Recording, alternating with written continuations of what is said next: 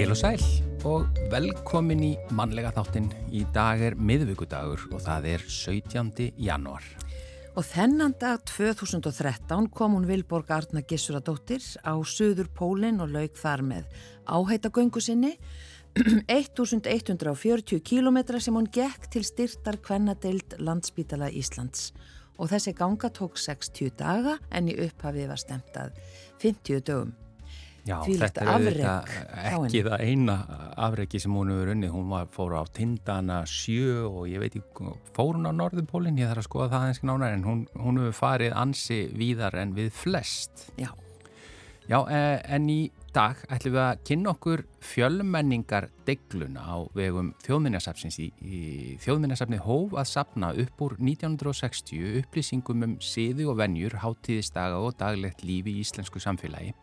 En í þetta sinn beinaðu sjónum að pólskum rótum og daglegu lífi á Íslandi. Sapnið óskar eftir frásögnum fólks af pólskum uppruna af íslensku samfélagi en markmið er að sapna upplýsingum um upplifun einstaklinga innan pólska samfélagsins á Íslandi að veru þeirra hér á landi og hún Helga Wollertsen, sérfræðingur þjóðhátta hjá þjóðminnasafninu, hún ætlar að koma til okkur og segja okkur betur frá þessu. E, Jón Yngvi Jóhansson, bókmyndafræðingur og dósent við mentavísindasvið Háskóli Íslands, hann ætlar að koma til okkar. E, hann ætlar að gera upp svona á sína vísu jólabókaflóði fyrir síðustu jól. Þetta hefur hann gert í mörg ár, eh, að þessu sinni verður hann að bókasafni Kópavogs og e, svo er það postkort frá Magnúsi. Já, postkortið besta þessu sinni alla leið frá Capo Verde eða Grænhöfða eigum.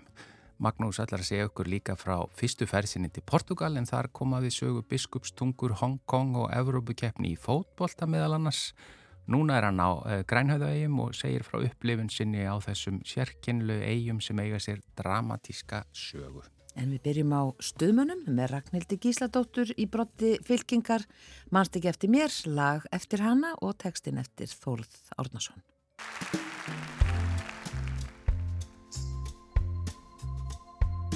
Ég er á vesturleiðinni, á háheiðinni, á hundrað og tíu, ég má ekki verða of seint. Ó, ó, það verður fagnaður mikill vegna opnunar, fluggril sjópunar, svo ég fór og pantaði borð fyrir einn. Ég prestaði stöðvöld að fá mér spar, síðan síldinn hvar, enda svo lítið land til vinnur en hefða samt góð. Ó, ó,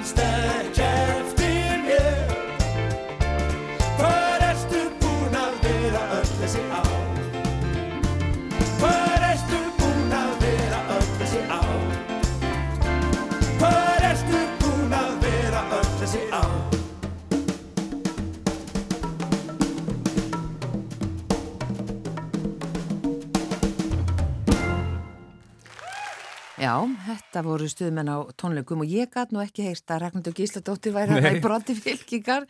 Og, og eiginlega bara ekki í læginu en ég þarf náttúrulega ekki að sverja fyrir það en uh, mér heyrðist ekki. En þetta voru stuðmenn og lag eftir Ragnardur Gísladóttir mannst ekki eftir mér.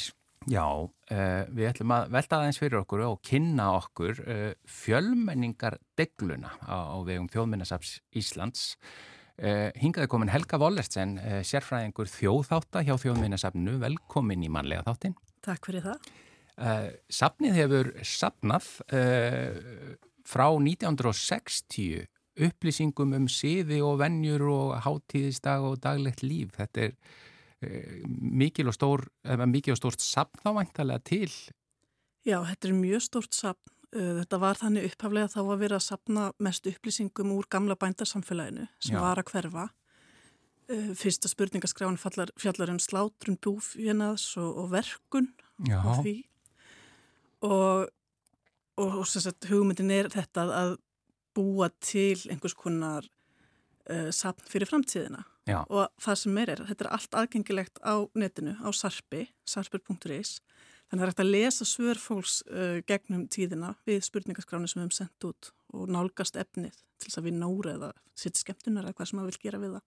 Þetta eru auðvitað að ef það búið að vera að sapna upplýsingu frá 1960 og þá að það eru upplýsingar auðvitað ná miklu lengra aftur í minni fólks.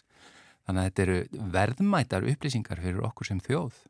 Þetta eru það og hafa mikið verið nýttar. Það er þarna, þetta hefur nýst til dæmis í, í bókum eins og Íslensk matarhefð eftir Hallgeri Gísladóttur, þetta nýttist Adna Bjössinni þegar hann skrifið um sögu dagana eða merkistaga á mannsæfinni uh, og fjölda mörg fleiri rannsóknir efni sem hafa komið upp í þessu. Já, og er þetta sem sagt mörg spurningablöð sem eru sendið út og svona hvernig svörun fáið þið? Í, í gamla daga, þá Já. var þetta formulega séð þannig að þetta var sendt út í brevposti, þess að tölvenn þó um að við sendum út spurningaskrafnar þá var nétt heimildamanna út um allt land, uh, fólk sem að fekk skrátna til sín og satt svo við það að, að svara spurningunum og senda síðan aftur í þjóðminnarsafnið. Núna er, er aðeins breytti okkur, við erum farin að nota tæknina meira og sendum yfirleitt spurningarskrafnar út í gegnum SARP sem er menningarlegur gagnagrunnu safnana í landinu. En þessi er endar nýja skrána mín aðeins öðru vísi af því að sarpur hann er svo miða svo mikið að íslensku. Það er svo mm. erfitt að, að senda út spurningaskrára á öðrum tungumálum sem er það sem við vildum gera í, í þessari skrá sem er nýja okkur. Já, nú er það óska eftir frásögnum fólks af pólskum uppruna e, af íslensku samfélagi.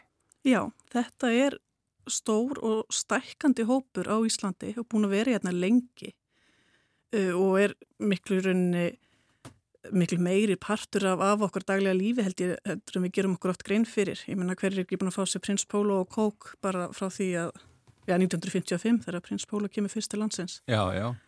Um, og þetta er fjöldi fólks með alls konar bakgrunn er að koma yngað bæði til þess að vinna eða með fjölskyldu. Uh, sumir sittast sér að í lengri tíma, aðrir er að koma tímabundi og okkur langar svolítið að ná í þessa flóru og, og ná til þessu hóps og heyra hvað er þeirra mynda af Íslandi, hvernig er að vera með pólska rætur á Íslandi. Uh, við, bæði, við tölum bæði um að vera með pólska rætur, að vera pólveri á Íslandi eða að vera pólskur íslendingur. Þetta er allt mismunandi myndir, svona byrningamindir af því hvernig fólk lítur á sig þegar sjálfsmynd hvernig hún er. Og, og bara upplýsingar um daglegt líf. Um daglegt líf, já. Við erum að spyrja um hvað fólk gerir, hvort það fær í sund eða hvort það fær í bíó eða hvort það sé eða sé einhver áhugamál það stundar, hvort það sé að umgangast aðra pólverja eða umgangast fólk með annan bakgrunn eða umgangast fólk með íslenskan bakgrunn um, hvort að fólk hafi komið til þess að vinna, við erum að spyrja hvað fólk vissi um Ísland áður en það kom. Við erum að spyrja hvort að einhverja lífskoðanir hafa breyst við það að koma til Íslands. Við erum að spyrja um matarvenjur. Uh, við erum að spyrja Við erum eitt kabla sem að spyr fólk sem að kemur hingað fullanisárum, við erum annan kabla sem snýr að þessi fyrir spurninga fyrir fólk sem elst upp á Íslandi, annarkvært fætt að kemur hingað ungt. Um, svo erum við að spyrja út í tungumálanótkun, hvernig er að nálgast íslensku nám, hvernig er að nálgast íslenskuna yfir höfuð og við erum að, já, bara allt mögulegt. Við erum mjög forvitin. Já. Og þetta er bara, sem sagt, bara allur aldur sem þið viljið fá inn í þetta. Allir hópar. Endilega og því fjölbreyttari því betra. Uh, og fólki býðst að svara þessari spurningaskrá á pólsku, íslensku eða ensku af því að við viljum að, að fólk hafi aðgengi að þessu og geti svarað eins og því finnst best. Uh, við finnum það strax að, að þetta flæki máli svolítið fyrir okkur sjálf af því að ég tala til dæmis ekki pólsku en er með góðan liðsauka í, í önnu vatsjönsku sem er mannfræðingur, uh, vinnur við háskólan og er pólsk að uppruna, búin að vera hérna lengi og hefur rannsakað uh, pólveri á Íslandi. Þannig að við erum mjög spennt fyrir þessu. Já. Og hvað verður gert við þessar upplýsingar? Fyrst þá byrjum við á að sapna þeim og, og skráðær og varveita. Við verðum með smá síningu núna í mars þar sem við ætlum að reyna að sína það sem að hefur sapnast. Við erum líka byggja fólkum að, að láta okkur hafa ljósmyndir, um, sapna myndum af af daglígu lífi sem sagt pólveri á Íslandi. En svo bara verður þetta til í gagnabanka þjóðminnarsapsins til framtíðar. Já, þetta eru verðmættar upplýsingar til framtíðar, já. Þetta er það og En- þetta er opið rannsakandum, þetta er opið námsmönnum, þetta er opið, já, hverjum þeim sem að vil skoða efnið. Já. Og þetta er eins og þú segir, gríðalega stór hópur, eh, samkvæmt sko uh, hagstofunni, þá eru uh, frá reyndar í november, þá eru pólski ríkisborgara með lögheimil á Íslandi 25.500 rúmlega og við vorum hérna með viðtala mánudaginn við það sem hafa verið að tólka uh, núna fréttinnan frá Grindavík og það í beitni útsendingu Einmitt hér, Martínu Martína og, og uh, Alex. Já. Uh, og þær töluðum að það er sko Facebook-hópur sem að er yfir 30.000 einstaklingar í og þær segja að það séu undanskilin börn og annað þannig að þetta er alveg gríðarlega stór hópur. Já, af því þetta sko pólskir, fólk með pólskt ríkisfang í Íslandi, það er fullt af fólki sem hefur fengið Íslands ríkisfang eða er, er með blandaðan bakgrunn eða hvernig sem það er. Þetta er, sýnir ekki alla myndina. En hvernig náðu þið til þeirra og, og, hvernig er svörunin? Þetta er nú nýfarið í loftið, þannig Já. við erum búin að finna mikinn áhuga en, en fyrir miður er ekki svörun ennþá, ég vil gefa þessu meirinn viku. En, svolítið Þannig að það fara að streyma inn vonandi Ég svörin. gerir fastlega ráð fyrir því en við höfum verið uh, með önnu, hún er með tengst í, í pólska samfélagið og á þessa pólsku Facebook-hópa, þeir eru fjölmarkir. Við höfum fengið pólska sendiráðið í samstarfið okkur, þau eru að dreifa sér fyrir okkur líka. Uh, svo höfum við farið í, í menningamiðstöðunar í bókasöfnunum, við höfum farið í pólsku verslanirnar, dreift dreifið miðum og svo verðum við með pólska leiðsögn um þjóðmennarsatni núna á laugadaginn og við ætlum að segja frá spurningaskráni í leiðinni. Mm. Er þetta nafnlaust eða? Fólk ræður. Já. Það Já. er sko hægt að svara með nafni eða ekki en við byrtum þetta aldrei uh, með nafni ofinbeglega ekki nefnum með fengnu leifi í sérstökum einstökum uh, tilvikum. En þau sem að kjósa að taka þátt og svara, uh, eru þau þá komin í einhvern hóp sem er leita til reglulega eða gerir maður þetta bara í eitt skipti? Þessi skrá er miðuð að einu skipti Mm. en yðurlega þá við, byrjum við fólk um að haka í eða vil fá framtíða spurningaskrár. Já, en þetta fjölmenningadeglan er, eh, þú varst mér hérna áður en við fórum í lofti að þið eru búin að vera að sapna eh, annars konar listum en það ekki líka. Ekki bara, eh, ekki bara þetta eh, frá Íslandingum í gegnum tíðina, eru, eru annars konar sapnanir en núna eru farin í gang hvert pólverið? Já, við erum með nokkra spurningalista opna. Já. Við erum að sapna meðal annars í samstarfi við byggðasatt Reykjanesbæjar, um, verkefni sem við köllum innan gyrðingar og utan. Um, við erum varnaliðsins í Keflavík. Um, þá erum við með fjóra spurningaskrár. Uh, ein er um vinnuna á vellinum, einu menningar áhrifin sem að fylgdi uh, hernum til Íslands, mm. amerska hernum. Svo erum við með eina sem að fjallar um hernaðar anstöðuna við erum að reyna að sapna frásögnum af því líka og svo gerðum við eina á ennsku uh, sem er ætluð þeim hermunum og þeirra fjölskyldin sem voru hérna á Íslandi og, og dreifðum því mitt á Facebook líka. Þetta er gott tæki svona til að ná til hópa um, um áhuga sem um ákveðin málefni. Uh, og það er alveg komið eitthvað af, af svörum þar inn. Og eh, maður getur bara farið inn á sarpur.is. Já, Þá er þetta skoða sarpur.is og, og þetta er bara hafsjóra fróðleik. Já, Já, þetta er mjög bara, bara að opna síðan að hérna er margt sem vekur aðtöklum mann sem þetta er gríðarlega merkilegt og eins og segir, og þetta eru verðmætar upplýsingar sem hefur verið að halda þarna utanum sérstaklega fyrir framtíðina. Já, því að, að við svo sem vitum ekki hvaða er sem að framtíðin vil skoða, hvað, hvað er það sem við gerum í dag sem verður merkileg saga eftir 10, 15 eða 100 ár Já. en við erum að reyna að sapna þannig að sé þá allavega úr einhverju móða uh, og hafa þá frumheimildinar, hafa upplýsingarna frá fólkinu sjálfu, ekki bara frásagnir okkar af því hvernig er að vera pólveri á Íslandi heldur frásagnir þeirra sjálfra af því hvernig þau upplifa sinn samtíma á sitt líf. Já, Helga Ólesen, sérfræðingur í þjóðhátta hjá Þjóðminniasafni Íslands. Takk kærlega fyrir komin í manlega þáttin og segja okkur frá þessu. Já, takk fyrir mig.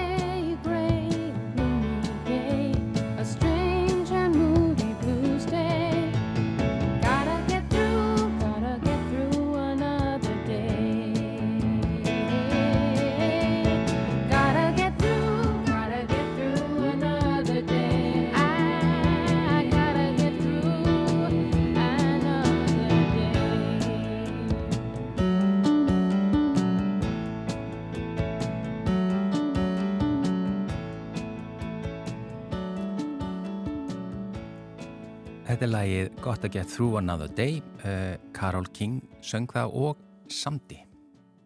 Já, það er kannski undarlegt í dag uh, í janúar að tala um jólabókaflóðið en það er nú akkurat það sem við ætlum samt að gera núna næstu mínúturnar. Hann er komin hinga Jón Yngvi Jóhansson, bókmentafræðingur og dósent við menta og vísindasvið Háskóli Íslands og uh, núna á fymtudaginn, 25. janúar ætlar hann að fara yfir jólabókaflóðið og eh, verður staðsettur í bókasafni Kópavóks og þetta nú stýður eins og í fyrsta skipti sem þú gerir þetta í januar, eh, Jón Yngvi. Nei, ég sem sagt var að reyna að komast að því hvað er land sem ég byrjaði á þessu og elsti pósturinn sem ég fann í tölvunum minni var frá 2010 Uh, frá bókasamni Kópavóks og hann byrjar á orðunum en byrjum við þig að koma og gera upp jólabókaflóðið í janúar Já. þannig að það er elsta heimildin sem ég fann líklega höfum við talað saman í síma fyrir það þannig að einhver tíman á fyrsta áratug þessar aldar þá byrjaði ég að, að koma í heimsókn í bókasamni Kópavóks og gera upp jólabókaflóðið. Ég hef ekki gert þetta alveg á hverju ári Nei. en því sem næst Já, og hvernig gerir maður upp jólabókaflóðið og flóð það er svona ákveðin lýsing Já, já, maður náttúrulega hérna byrjar á því að lesa mjög mikið af bókum. Uh, og þetta er mjög skemmtilegt að koma þannig í þetta á, á bókasamni það er, en þá er fólk sem er fastagestir og hefur mætt sko, því sem næst á, á, á öll þessi, alla þessi viðburði. Það er heilmikið starf á þessu safni eins og öðrum bókasöfnum, það er svona bókaklúpur, fólk sem hittist og les og, og, og talar um bækur. Þannig að það er ekkert hérna óvennlegt að þannig sé fólk sem er ekki síst sko, fólk sem er, sem er hægt að vinna komið á, á eftirlaun sem er búið að lesa jafn mikið eða meir en ég þannig að ég er svolítið hérna stundum sagt að þegar ég er búin að tala þannig í mínar 40 mínir eða hvað er, það er sko að þá er stundum eins og ég sé munlegu prófi ef ég hef sleft einhverju þá viljandi eða, eða óvart að þá er ég yfirlega krafin svara um, um þær bækur.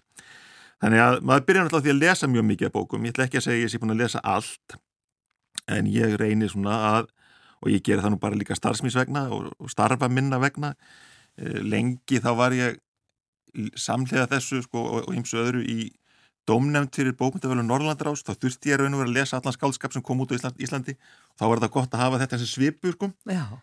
en maður byrjar á því að lesa sem, sem allra allra mest. Mm. og ég reyni að tala um svona bækur af fjölbreyttu tægi mest kannski um íslenska skáldsögur fyrir fullorna en ég tala líka, ég reyni, það er algjörlega algjört, algjör regla hjá mér. Ég reyni alltaf að tala slótið um, um barnabækur líka og fræðiritt. Uh, það er eins og öllum svona hérna, bókmynda viðbyrðum og menninga viðbyrðum þá er þetta meðalaldurinn svona í herralegi en það er líka fólki sem að kaupir bækur, ekki bara fyrir sjálfsig heldur líka fyrir börn og ólinga þannig að mjög mikilvægt að, að tala um það líka. Nei, ég er búin að vera og, og, og gera það svo sem að því ég kenni náttúrulega kennarinnum þá þarf ég að, að fylgja svolítið með barn og ungmenna bókmyndum líka þannig ég er búin að vera að reyna að lesa mig í gegnum staplan bara. Já, og akkurat og það, já, hvenar byrjar þú á því bara um leið og fyrsta bók kemur út? Er, er já, já, maður byrjar að lesa í september 8 og svona er, er þó að jólabókaflóðis ég ennþá mjög stór hluti af íslensku bókmyndalífi og íslensku bókaútgáfi þá er líka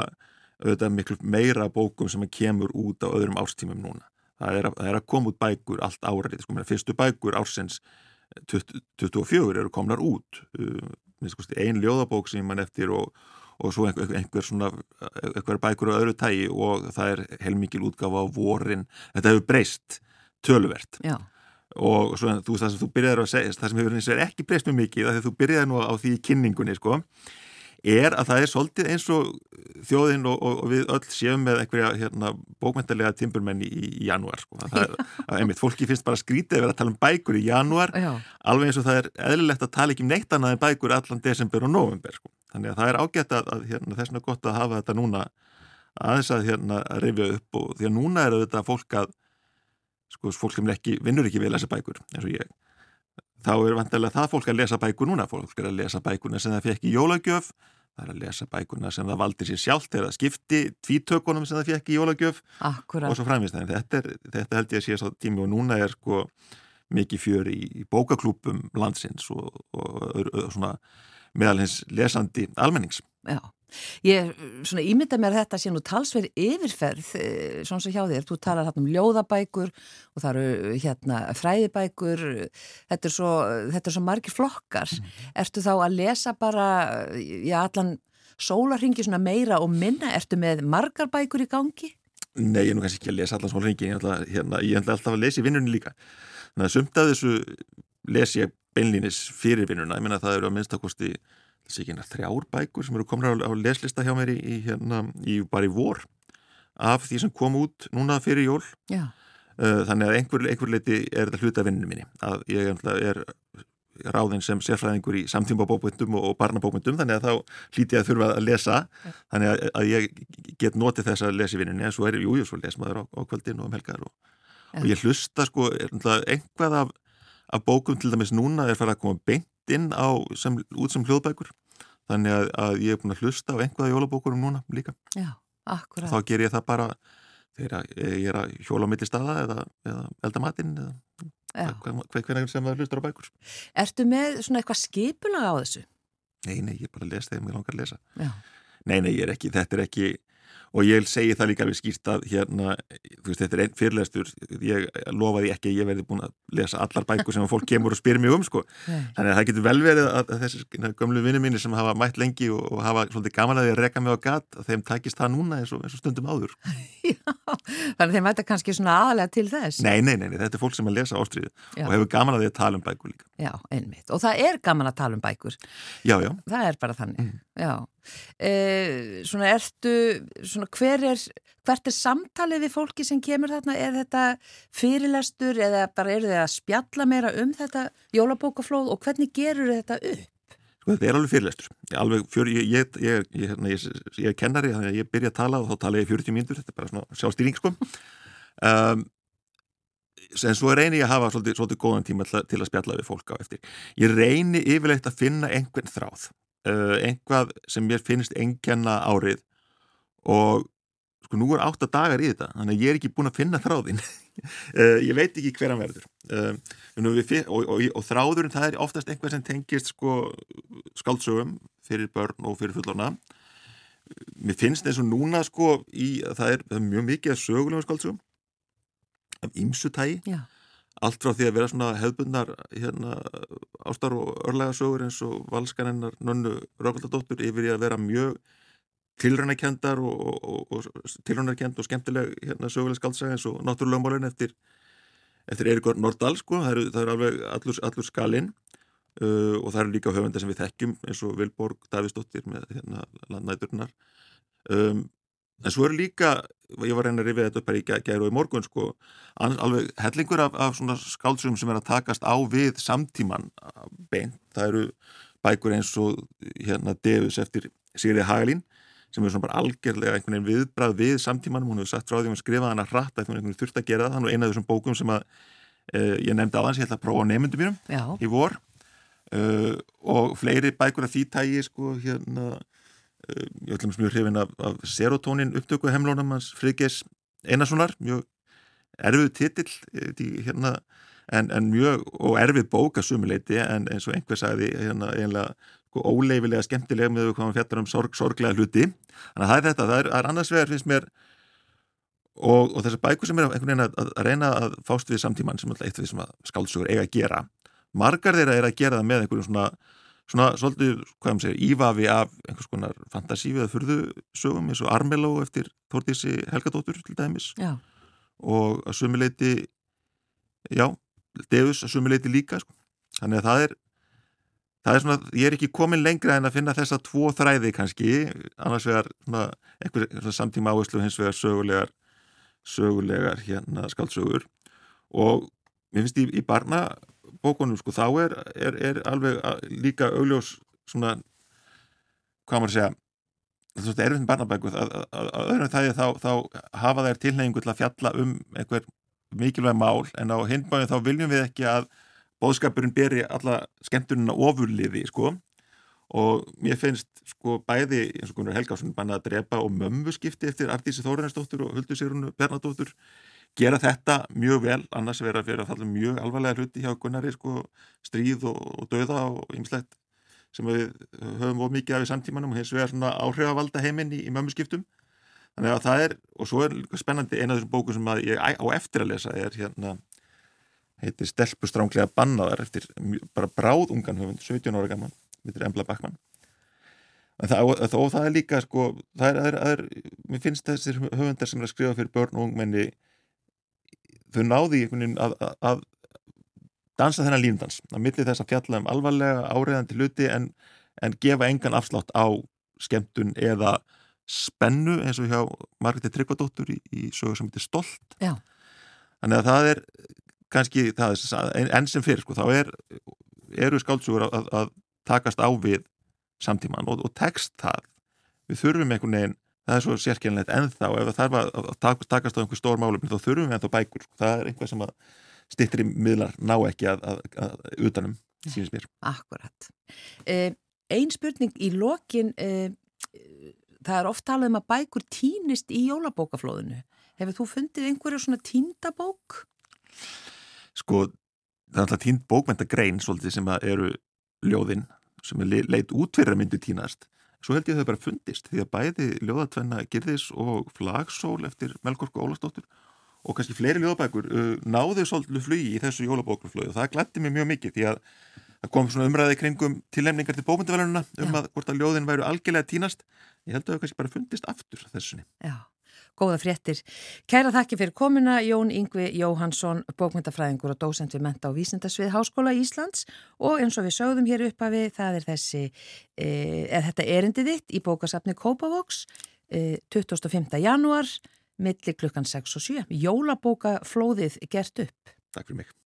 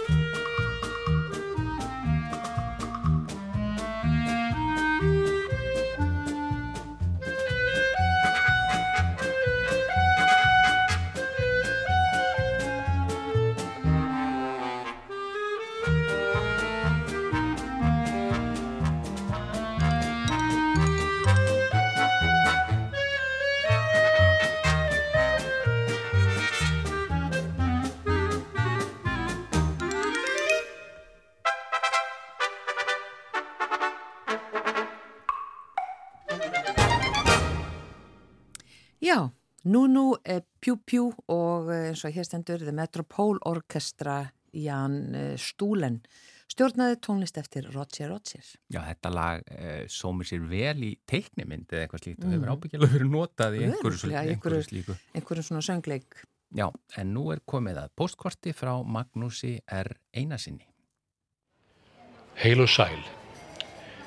Ég hef verið á ferð núna eftir áramótin og er núna komin til Grænhöfðaegja, þar sem ég verð næstu vikur. Fyrst lág leiðin okkar Kristínar til Lissabon. Þangað hef ég aldrei komið áður, þótt ég hafi nokkur sinnum áður verið í Portugal. Fyrsta ferð mín til landsins var reyndar með afar tilvílin að kendum hætti. Það var fyrir 20 árum að ég var á ferð upp í biskupstungum með frænguminni sem átti þar sumarbústað. Þegar við ógum fáfarinn veg þar í sveitinni sáum við bíl á kvolvi utan vega og ungt par sem satar á þúfu. Sem betur fer þá var fólkið aðeins með minniháttar skrámur en í nokkru sjokki. Þetta var fólk frá Hong Kong sem talaði litla sem enga ensku og ekkert annað efraust tungumál. Ég hrýndi strax á laurugluna og við tókum fólki með okkur upp í sumarbústaðin sem er þar skamt rá til að býða eftir löggunni og til að veita þeim aðlýningu.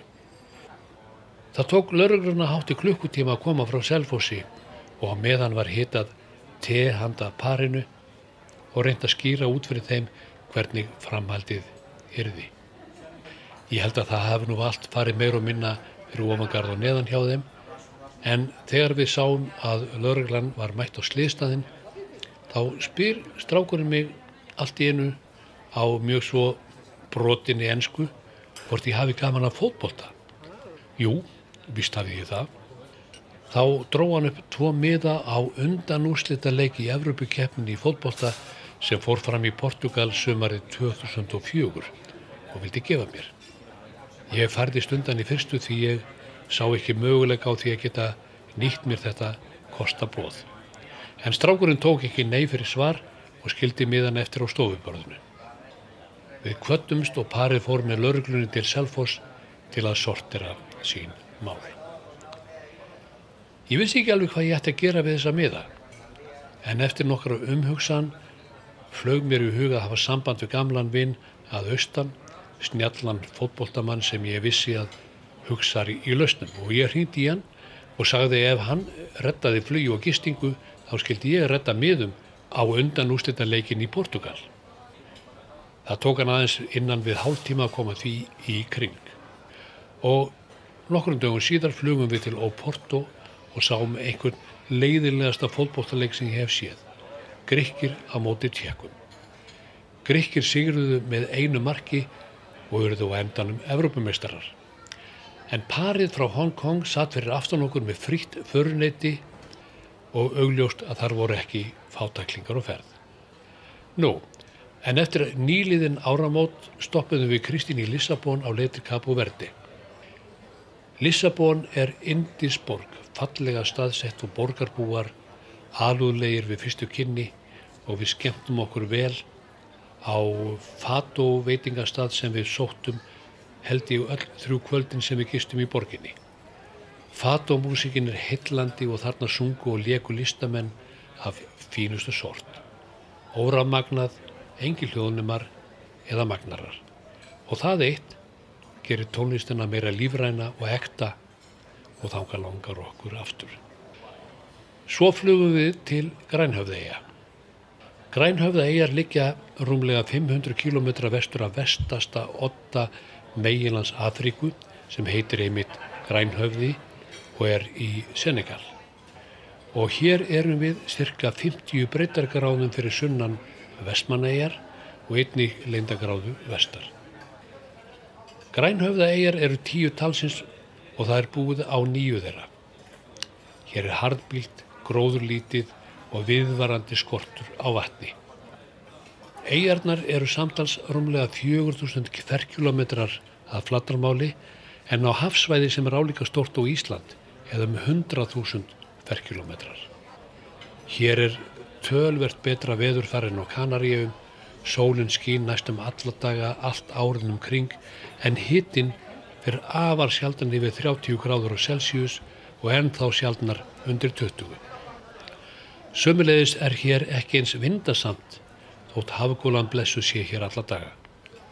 Og hún ber ekki með sér hvimleitt sandfóki frá Sahara eðimörkinni eins og á Kanari. Við vorum á Kúpu fyrir rúmu ári og samanbörðurinn við þá fallegu eigu er grænhöfða eigum tölvert mikið í hag. Hér er ekki kúun og einræði kommunismans, hér ríkir líðræði og stabilt stjórnafar. Grænhöfða eigamenn náðu sjálfstæði frá Portugalum fyrir hartnar 50 árum eða 1975 og eftir það hefur líf eigaskeggja tekið stakkaskiptum til hins betra. Vissulega er stór hluti íbúana ennþá undir fátæktarmörgum en það er ljóst að hér er miklu meiri og betri velmögun en á kúpu. Bílaflótin er nýr en kannski ekki eins áhugaverður og hjá kúpunum þar sem tíminn hefur staðið í staði þeim efnum frá því fyrir byltingu. En hér hafa átt sér stað miklar byggingaframkvæmdir og það er gaman að sjá hvað arkitektúrin er laglegur.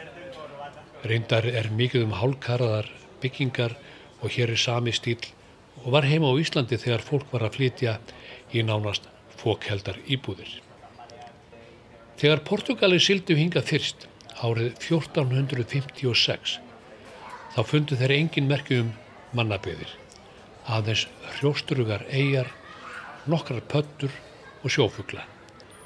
Og hér er fátt um náttúru auðlindir, en hins vegar eru nokkrar ágætar hafnir frá náttúrunar hendi og á tímum seglskipa var hér mikil trafík vegna þess að staðvindar blása hér stöðugt úr austri og norðaustri og hérðan er stist yfir allansafið til Suður Ameríku.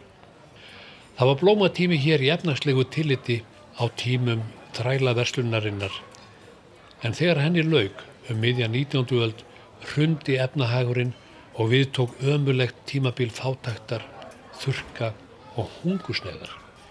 Hér fjall fólk þúsundum saman í þurkatíð og stór hluti eigaskeggja fluttist á brott, aðalega vestur um haf en einni til Evrópu. Á fymta áratug 20. aldar fjallu um það blið 45.000 manns hér á eigunum og íbúum fakkaði ennfrekar vegna brottflutnings þeirra sem gáttu komist í burtu. Portugalir bönnuðu allan frettaflutning af þessum hörmungum, sennilegast vegna skammar, vegna þess að þeir gerðu nákvæmlega ekkert til að hjálpa hennu fátæku þegnum sínum í þessari neyð. Fólkinu á grænhöfðegjum vegnar hins vegar nokkuð vel í dag. Þeir njóta mikillar þróunar aðstóðar frá Evrópu og bandaríkjónum og hér sjá menn mikla möguleika í að virkja þá gríðalugu sólar og vindorku sem hér er að finna. Þurkar og valskortur hafa ógnað öllu lífi hér frá upphafi en nú hefur orðið svo breyting á að nú er hægt að heima vatn og sjó með heima tilbúinni og sjálfbæri orku. Nú þegar er helmings alls ramags aflað með vind og sólarorku og nú sér fram á að eigaskekkjar geta orðið sjálfbærir með alla orku innan tvekja áratöga. Það eitt mun gerðbreyta efnahag og aðstæðum öllum á grænhafðegi. Eins og áður sagði þér ríkið hér stöðugt ástand í pólitík. Hér er eins konar tvekja flokka kerfi og þingmenn eru hér jafn margir og við Östurvöll í Reykjavík. En það er snákur í hverju paradís, eins og danskurinn segir, því einmitt vegna nálaðurinnar við Suður-Ameríku er hér einn helsta umskipunarhöfn fyrir eitulif sem er smiklað hér í gegn og leið til Evrópu. Hér hafa fundist týjir tonna af kókaini á nýliðnum árum en það kuð vera aðeins brot eða bara brotabrot af því sem talið er að fari hér um eigarnar. Hafsvæðið er stórt og aðeins einn varðbátur og einn þyrla til að vakta trafíkina. Európaríkin hafa hjálpað til og sendt hinga mannskap og tæki til aðstúðar en vandin er risavaksinn. Nú er sagt að rúsneska mafían sé að hasla sér völl í smiklinu með enn ófyrir leiknari hætti en áður þekktist. Og þegar maður sér unga menn með gull um háls og á fingurum akandi á rándýrum sportbílum með mjósleiknar kærustur í framsætinu þá þykist maður vita að ríkidæmi þeirra og íburður sé sprottin af öðru en löglegum atvinnurekstri. Ég fæ hins vegar ekki annað séð en að hér búi hardulegt fólk, sístrítandi en með vinalegt viðmót og alltaf stutt í brós. Músikinn og dansinn er þeim í blóðbórin, skemmtileg og heillandi blanda af fató frá Portugal og afrískum rytmum.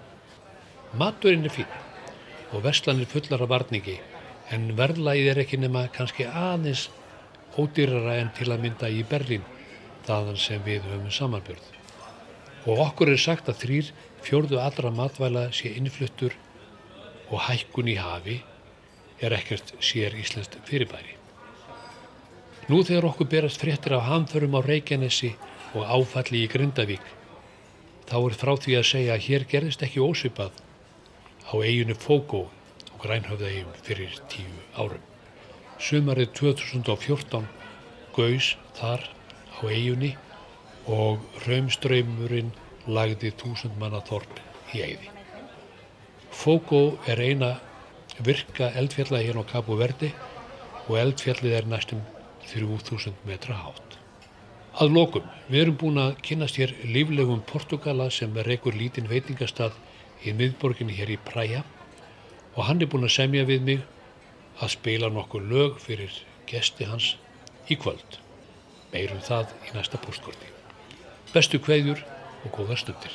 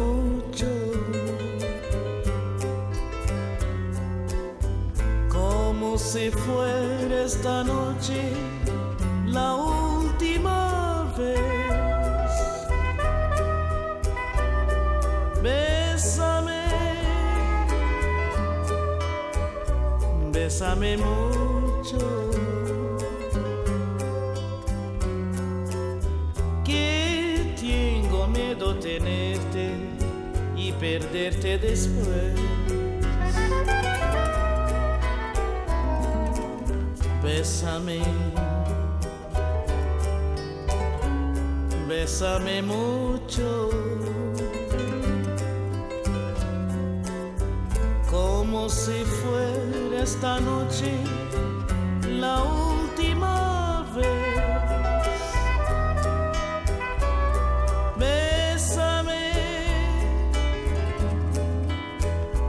bésame mucho.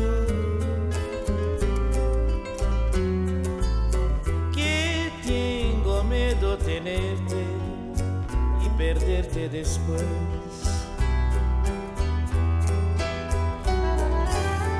Quiero tenerte muy cerca, mirarme en tus ojos, verte junto a mí.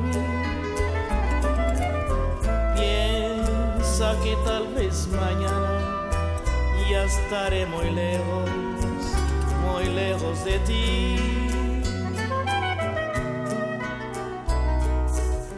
Bésame, bésame mucho. Como si fuera esta noche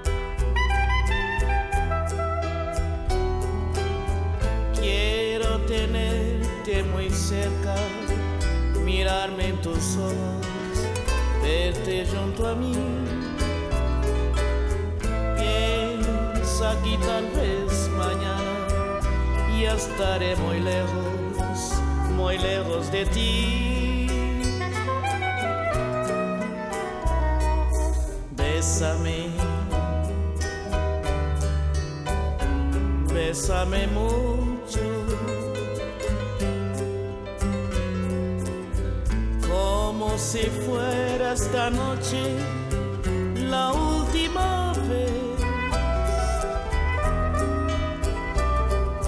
Bésame, bésame mucho. Que tengo miedo tenerte y perderte después.